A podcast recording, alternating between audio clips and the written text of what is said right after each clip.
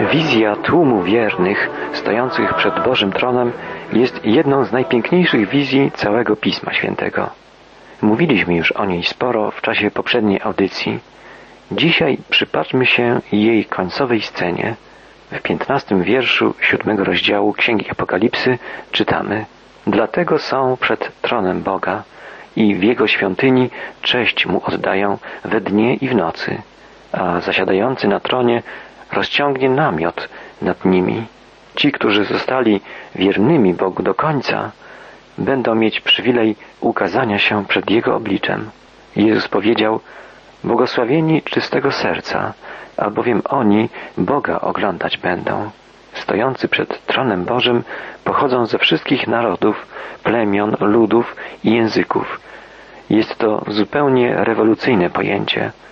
W ziemskiej świątyni jerozolimskiej pod groźbą śmierci żaden poganin nie mógł wyjść poza dziedziniec pogan. Izraelita zaś mógł wejść na dziedziniec kobiet i przebywać na dziedzińcu Izraelitów. Dalej był dziedziniec kapłanów, przeznaczony wyłącznie dla kapłanów. Zaś w niebiańskiej świątyni droga przed oblicze Boga jest otwarta dla ludzi różnych narodowości, dla wszystkich ludzi. Oto obraz nieba bez żadnych barier. Nie ma tam różnicy ras czy statusu społecznego. Droga przed oblicze Boga jest otwarta dla każdej wiernej duszy. Czytamy, że ten, który siedzi na tronie, będzie mieszkał wśród nich. Wyrażenie mieszkać to greckie słowo skenon. Pochodzi od y, czasownika skene. Oznacza namiot. Tego samego wyrażenia Jan używa wobec słowa, które zamieszkało wśród nas. Tego rodzaju zamieszkanie Żydzi wyrażali słowem szekinach, co oznacza widzialną obecność chwały Bożej. Zwykle obecność ta przybierała formę jaśniejącego obłoku. Tak więc, gdy nadawano dziesięć przykazań, zamieszkała chwała Pana na górze Synaj, a obłok okrywał ją przez sześć dni, a chwała Pana wyglądała w oczach synów izraelskich jak ogień trawiący na szczycie góry. Tak czytamy w księgach mojżeszowych. Tak samo było z namiotem zgromadzenia. Obłok zakrył namiot zgromadzenia, a chwała Pana napełniła przybytek. Już tutaj, na ziemi, Bóg rozbił swój namiot, zamieszkał pośród nas w Jezusie Chrystusie.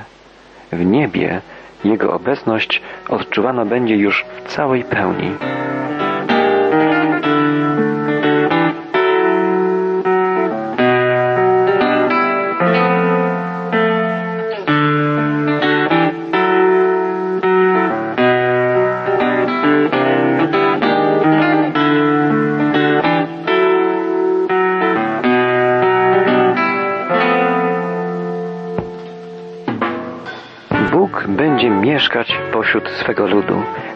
Tych, którzy okazali się wiernymi. W końcowych wierszach siódmego rozdziału Księgi Apokalipsy czytamy Nie będą już łaknąć, ani nie będą już pragnąć, i nie porazi ich słońce, ani żaden upał, bo paść ich będzie baranek, który jest pośrodku tronu i poprowadzi ich do źródeł wód życia i każdą łzę otrze Bóg z ich oczu. Nie da się zliczyć wszystkich tych ludzi, którym słowa te w czasie żałoby, smutku stały się wielką pociechą. Jest tu zawarta duchowa obietnica ostatecznego zaspokojenia wszelkiego głodu i wszelkiego pragnienia ludzkiej duszy. Obietnica ta stale pojawia się w Nowym Testamencie, a szczególnie w słowach Jezusa. W Ewangelii Mateusza czytamy Błogosławieni, którzy łakną i pragną sprawiedliwości, albowiem oni będą nasyceni. Jezus powiedział też, ja jestem chlebem życia. Kto do mnie przychodzi, nigdy łaknąć nie będzie, a kto wierzy we mnie, nigdy pragnąć nie będzie. Kto napije się wody, którą ja mu dam, nie będzie pragnął na wieki, lecz woda, którą ja mu dam, stanie się w nim źródłem wody wytryskującej ku żywotowi wiecznemu. Jeśli kto pragnie, niech przyjdzie do mnie i pije, wzywa Jezus. Jak powiedział Augustyn, nasze serca dotąd są niespokojne, aż spoczną w Bogu. Autor pieśni wyraża to następująco. Mój jest Zbawiciel, ustały już żale, w nim radość, wytchnienie, on koi me łzy. O Jego ja muszę powiedzieć Ci chwalę, gorąco Cię wezwać, o pójdź doń i Ty. Tak, niebo naprawdę będzie miejscem, gdzie zostanie zaspokojony wszelki głód, ugaszone wszelkie pragnienie, a słońce nie będzie już palić swoim żarem. W Chrystusie kończy się głód świata, jego bóle i smutki. Już prorok Izajasz wołał, nie będą łaknąć ani pragnąć, nie dokuczy im gorący wiatr, ni żar słoneczny, bo ten, kto lituje się nad nimi, będzie ich prowadził i zawiedzie ich do krynicznych wód. Te słowa proroka doskonałe wypełnienie znajdują w Jezusie Chrystusie.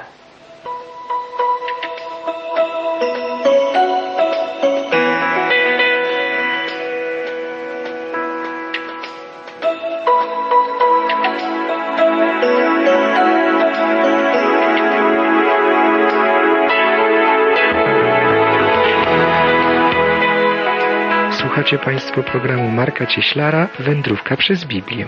Od poniedziałku do piątku każdego tygodnia studiujemy razem Pismo Święte. Zapraszamy do dyskusji i wspólnej modlitwy z nami. Adres i telefon zostanie podany na końcu programu.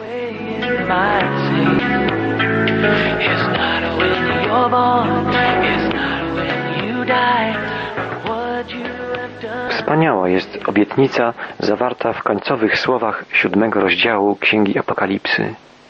Paść ich będzie baranek, który jest pośrodku tronu i poprowadzi ich do źródeł wód życia i każdą łzę otrze Bóg z ich oczu. Jest to obietnica wspaniałej, troskliwej opieki boskiego pasterza wobec stada. Obraz pasterza często pojawia się zarówno w Starym, jak i w Nowym Testamencie. Pan jest pasterzem moim. Tak zaczyna się ulubiony przez nas wszystkich psalm 23. W innym, 80. psalmie czytamy pasterzu Izraela. To są początkowe słowa tego psalmu. Izajasz przedstawia Boga pasącego swoje stado jak pasterz i noszącego na rękach małe jagnięta i ostrożnie prowadzącego owce ciężarne. Pasterz swego ludu to największy tytuł mesjanicznego króla. Tytuł ten Jezus stosował do siebie. Ja jestem dobrym pasterzem. Czytamy słowa Jezusa w Ewangelii Jana. Piotr nazywał Jezusa pasterzem i biskupem dusz ludzkich, a list do Hebrajczyków mówi o nim jako o wielkim pasterzu owiec. Ten obraz jest bardzo wymowny, szczególnie dla mieszkańców Palestyny. Judea stanowi wąskie płaskowzgórze, do którego z obu stron przylegają niebezpieczne tereny. Z jednej strony ponure skały i wąwozy prowadzą do brzegów Morza Martwego, a z drugiej rozciąga się dzika szefela. W dawnych czasach nie było ogrodzeń ani żywopłotów i dlatego pasterz stale musiał czuwać nad swoim rozproszonym stadem. Znany autor George Adam Smith tak opisuje wschodniego pasterza. My często zostawiamy owce na pastwisku. Nie pamiętam jednak, abym na Bliskim Wschodzie widział stado bez pasterza. W takim terenie jak Judea, gdzie pastwiska są rozrzucone na dużych, nieogrodzonych terenach, poprzecinane zwodniczymi ścieżkami, na których często pojawiają się drapieżne zwierzęta, człowiek i jego umiejętności a także właściwie ukształtowany charakter są niezastąpione. Na pokrytym wrzosowiskiem wzniesieniu, gdzie nocami rozlega się wycie hieny, spotykamy się z niewyspanym, wpatrzonym w dal, przemoczonym, uzbrojonym, wspartym na długim kiju, stale trzymającym w polu widzenia swoje rozproszone owce pasterzem. Rozumiemy, dlaczego pojęcie pasterza tak ściśle łączy się z historią tego ludu, Dlaczego mianem tym określano królów? Dlaczego pasterz był symbolem opatrzności Bożej? I dlaczego Chrystus wskazał na siebie jako na pasterza? Widzimy tu dwa wielkie zadania owego pasterza. Prowadzi on swoje stado do płynących wód. Jak powiada także psalmista, nad wody spokojne prowadzi mnie, bez wody stado ginie. A w Palestynie było bardzo mało źródeł. Boski pasterz prowadzi nas do wód, inaczej mówiąc, daje nam to, co jest niezbędne do życia. I po drugie, On ze wszystkich oczu ociera łzy, podtrzymuje przy życiu nasze ciała i pociesza nasze serca. Bez obecności i pociechy Bożej smutki życia byłyby ciężarem nie do zniesienia, a bez siły Bożej nie moglibyśmy ruszyć w swoim życiu z miejsca. Boski pasterz posila nas i pociesza, jeżeli Jezus Chrystus, jako nasz pasterz, jest z nami. Nic i nikt nie jest w stanie nam zaszkodzić. Jezus jest zarówno barankiem, jak i pasterzem. Oddał za nas swoje życie, powstał z martwych i teraz pragnie wprowadzić nas w Królestwo Wieczności.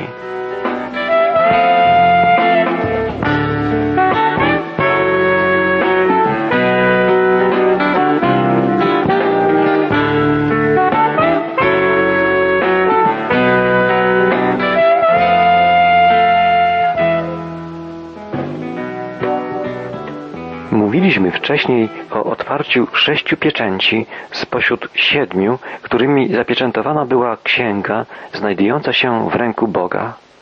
Otwarcie siódmej, ostatniej pieczęci opisuje ósmy rozdział Księgi Apokalipsy. W początkowych wierszach czytamy tu. A gdy otworzył pieczęć siódmą, zapanowała w niebie cisza, jakby na pół godziny. I ujrzałem siedmiu aniołów, którzy stoją przed Bogiem, a dano im siedem trąb. I przyszedł inny anioł i stanął przy ołtarzu, mając złote naczynie na żar. I dano mu wiele kadzideł, aby dał je w ofierze, jako modlitwy wszystkich świętych, na złoty ołtarz, który jest przed tronem. I wzniósł się dym kadzideł, jako modlitwy świętych, z ręki anioła przed Bogiem. Anioł zaś wziął naczynie na żar, napełnił je ogniem z ołtarza i zrzucił na ziemię, a nastąpiły gromy, głosy, błyskawice, trzęsienie ziemi. Tekst zaczyna się od niezwykle dramatycznego milczenia w niebie na około pół godziny. Sama cisza jest bardziej skuteczna i wymowna od grzmotu i błyskawic. Może ona tutaj mieć dwojakie znaczenie. Może być po prostu wstrzymaniem oddechu w tym opowiadaniu, chwilą przygotowania na dalsze wstrząsające objawienie. Może w niej być coś jeszcze piękniejszego. Za chwilę modlitwy świętych mają wstąpić do Boga i może dlatego w niebie wszystko ucisza się, aby modlitwy te były usłyszane. Muzyka niebios zostaje wstrzymana, aby ucho Boże mogło wychwycić szept modlitw zanoszonych przez ufających mu ludzi. Obraz ten składa się z dwóch części. W pierwszej z nich nieznany anioł ofiarowuje modlitwy świętych Bogu. Według tradycji żydowskiej Archanioł Michał zanosił modlitwy o lud izraelski, a bliżej nieokreślony anioł, zwany powszechnie aniołem pokoju, dbał o to, aby Izrael nie popadł w niebezpieczeństwo. Anioł ten stoi przy ołtarzu, który często pojawia się w obrazie niebios w Księdze Apokalipsy. Nie może to być ołtarz ofiarny, ponieważ w niebie nie będą składane ofiary ze zwierząt. Jest to ołtarz kadzidlany. Stał on, jak pamiętamy, przed miejscem najświętszym w świątyni. Tak czytamy w Księdze Kapłańskiej, w trzeciej Księdze Mojżeszowej. Był wykonany ze złota, miał około pół metra kwadratowego powierzchni i stał na podstawie około jednego metra wysokości. Spotykamy się tu z pojęciem modlitwy składanej Bogu. Modlitwy świętych są ofiarowane na ołtarzu jak wszystkim ofiarom wstępującym do Boga towarzyszy im zapach kadzidła. Człowiek może nie być w stanie złożyć Bogu innej ofiary, ale zawsze może ofiarować Mu swoją modlitwę. I na nią zawsze oczekują anielskie ręce, aby zanieść je przed Boga. W drugiej części obrazu ten sam anioł bierze kadzielnicę, napełnia ją ogniem z ołtarza i rzuca na ziemię. To było początkiem grzmotów i trzęsienia ziemi, które miały poprzedzić dalsze nieszczęścia. Ten obraz pochodzi z wizji Ezechiela, w której mąż odziany w lnianą szatę bierze pod, spod cherubów rozżarzane węgle i rozrzuca je po mieście. W tym wypadku Obraz ten przedstawia coś innego. Węgle z kadzielnicy zapowiadają nowe nieszczęścia, zapowiadają doświadczenia czasów ostatecznych. Czas historyczny dobiegnie końca. Błagalne modlitwy świętych sprowadzą na świat Bożą karę. Bóg rozprawi się z grzechem, oczyści ziemię z wszelkiego zła.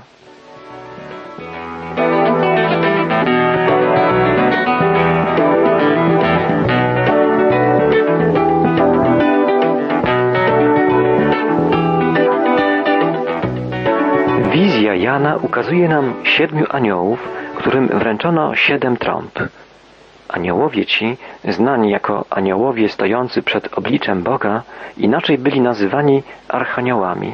Nazwanie ich aniołami oblicza oznacza dwie rzeczy. Po pierwsze, cieszyli się oni szczególnym szacunkiem. W starożytności tylko najbardziej zaufani dworzanie mieli prawo o każdej porze stawać przed obliczem króla. Po drugie, jeszcze większym przywilejem było bezpośrednie usługiwanie królowi. Siedmiu aniołów trzyma siedem trąb. W wizjach Starego i Nowego Testamentu trąba zawsze symbolizuje wkroczenie Boga w historię ludzkości. Wszystkie przykłady takiego działania, a jest ich wiele, stale wracają do wydarzeń na górze Synaj, gdzie lud izraelski otrzymał prawo. Wydarzeniu temu towarzyszyły grzmoty, błyskawice, gęsty obłok i doniosły głos trąby. Głos trąby stał się nieodłącznym składnikiem Dnia Pana. Głos wielkiej trąby zgromadzi wtedy wygnańców z każdego kraju, prorokuje Izajasz. W Dniu Pana głos trąby zabrzmi na Syjonie i potężny okrzyk rozlegnie się na jego świętej górze. To słowa proroka Joela. Będzie to dzień trąby i okrzyku wojennego, prorokuje Sofoniarz. Wszechmocny Pan zatrąbi na rogu i nadciągnie w huraganach południa. Czytamy w proroctwach Zachariasza. Obraz ten występuje też w Nowym Testamencie, w wizji Dnia Ostatecznego. Apostoł Paweł pisze o dniu, gdy trąba zabrzmi i to, co skażone, przeobleczone będzie w nieskazitelność. Tak czytamy w pierwszym liście do Koryntian w piętnastym rozdziale. Apostoł pisze też o trąbie Bożej w pierwszym liście do Tesalniczan. Trąba Boża zabrzmi w czasie powtórnego przyjścia Chrystusa. Ewangelista Mateusz pisze o wielkiej trąbie, na której głos zgromadzą się wybrani z czterech stron świata. Obraz trąby Bożej zawiera w sobie symboliczną wymowę. Głos trąby może mieć trzy znaczenia. Może to być sygnał alarmowy. Jego celem może być obudzenie śpiących lub ostrzeżenie przed niebezpieczeństwem. Bóg zawsze ostrzega ludzi przed niebezpieczeństwem. Po drugie, mogą to być fanfary oznajmujące zbliżenie się króla. Jest to odpowiedni symbol wyrażający wkroczenie króla wieczności w teraźniejszość ziemskiej doczesności. I po trzecie, może to być sygnał wojenny. Bóg zawsze nawołuje ludzi, by zajęli odpowiednie miejsce w walce prawdy z fałszem, by stali się żołnierzami sprawy Bożej. Każdy chrześcijanin powinien należeć do armii Chrystusowej, do armii ludzi, którzy walczą o sprawy Bożego Królestwa.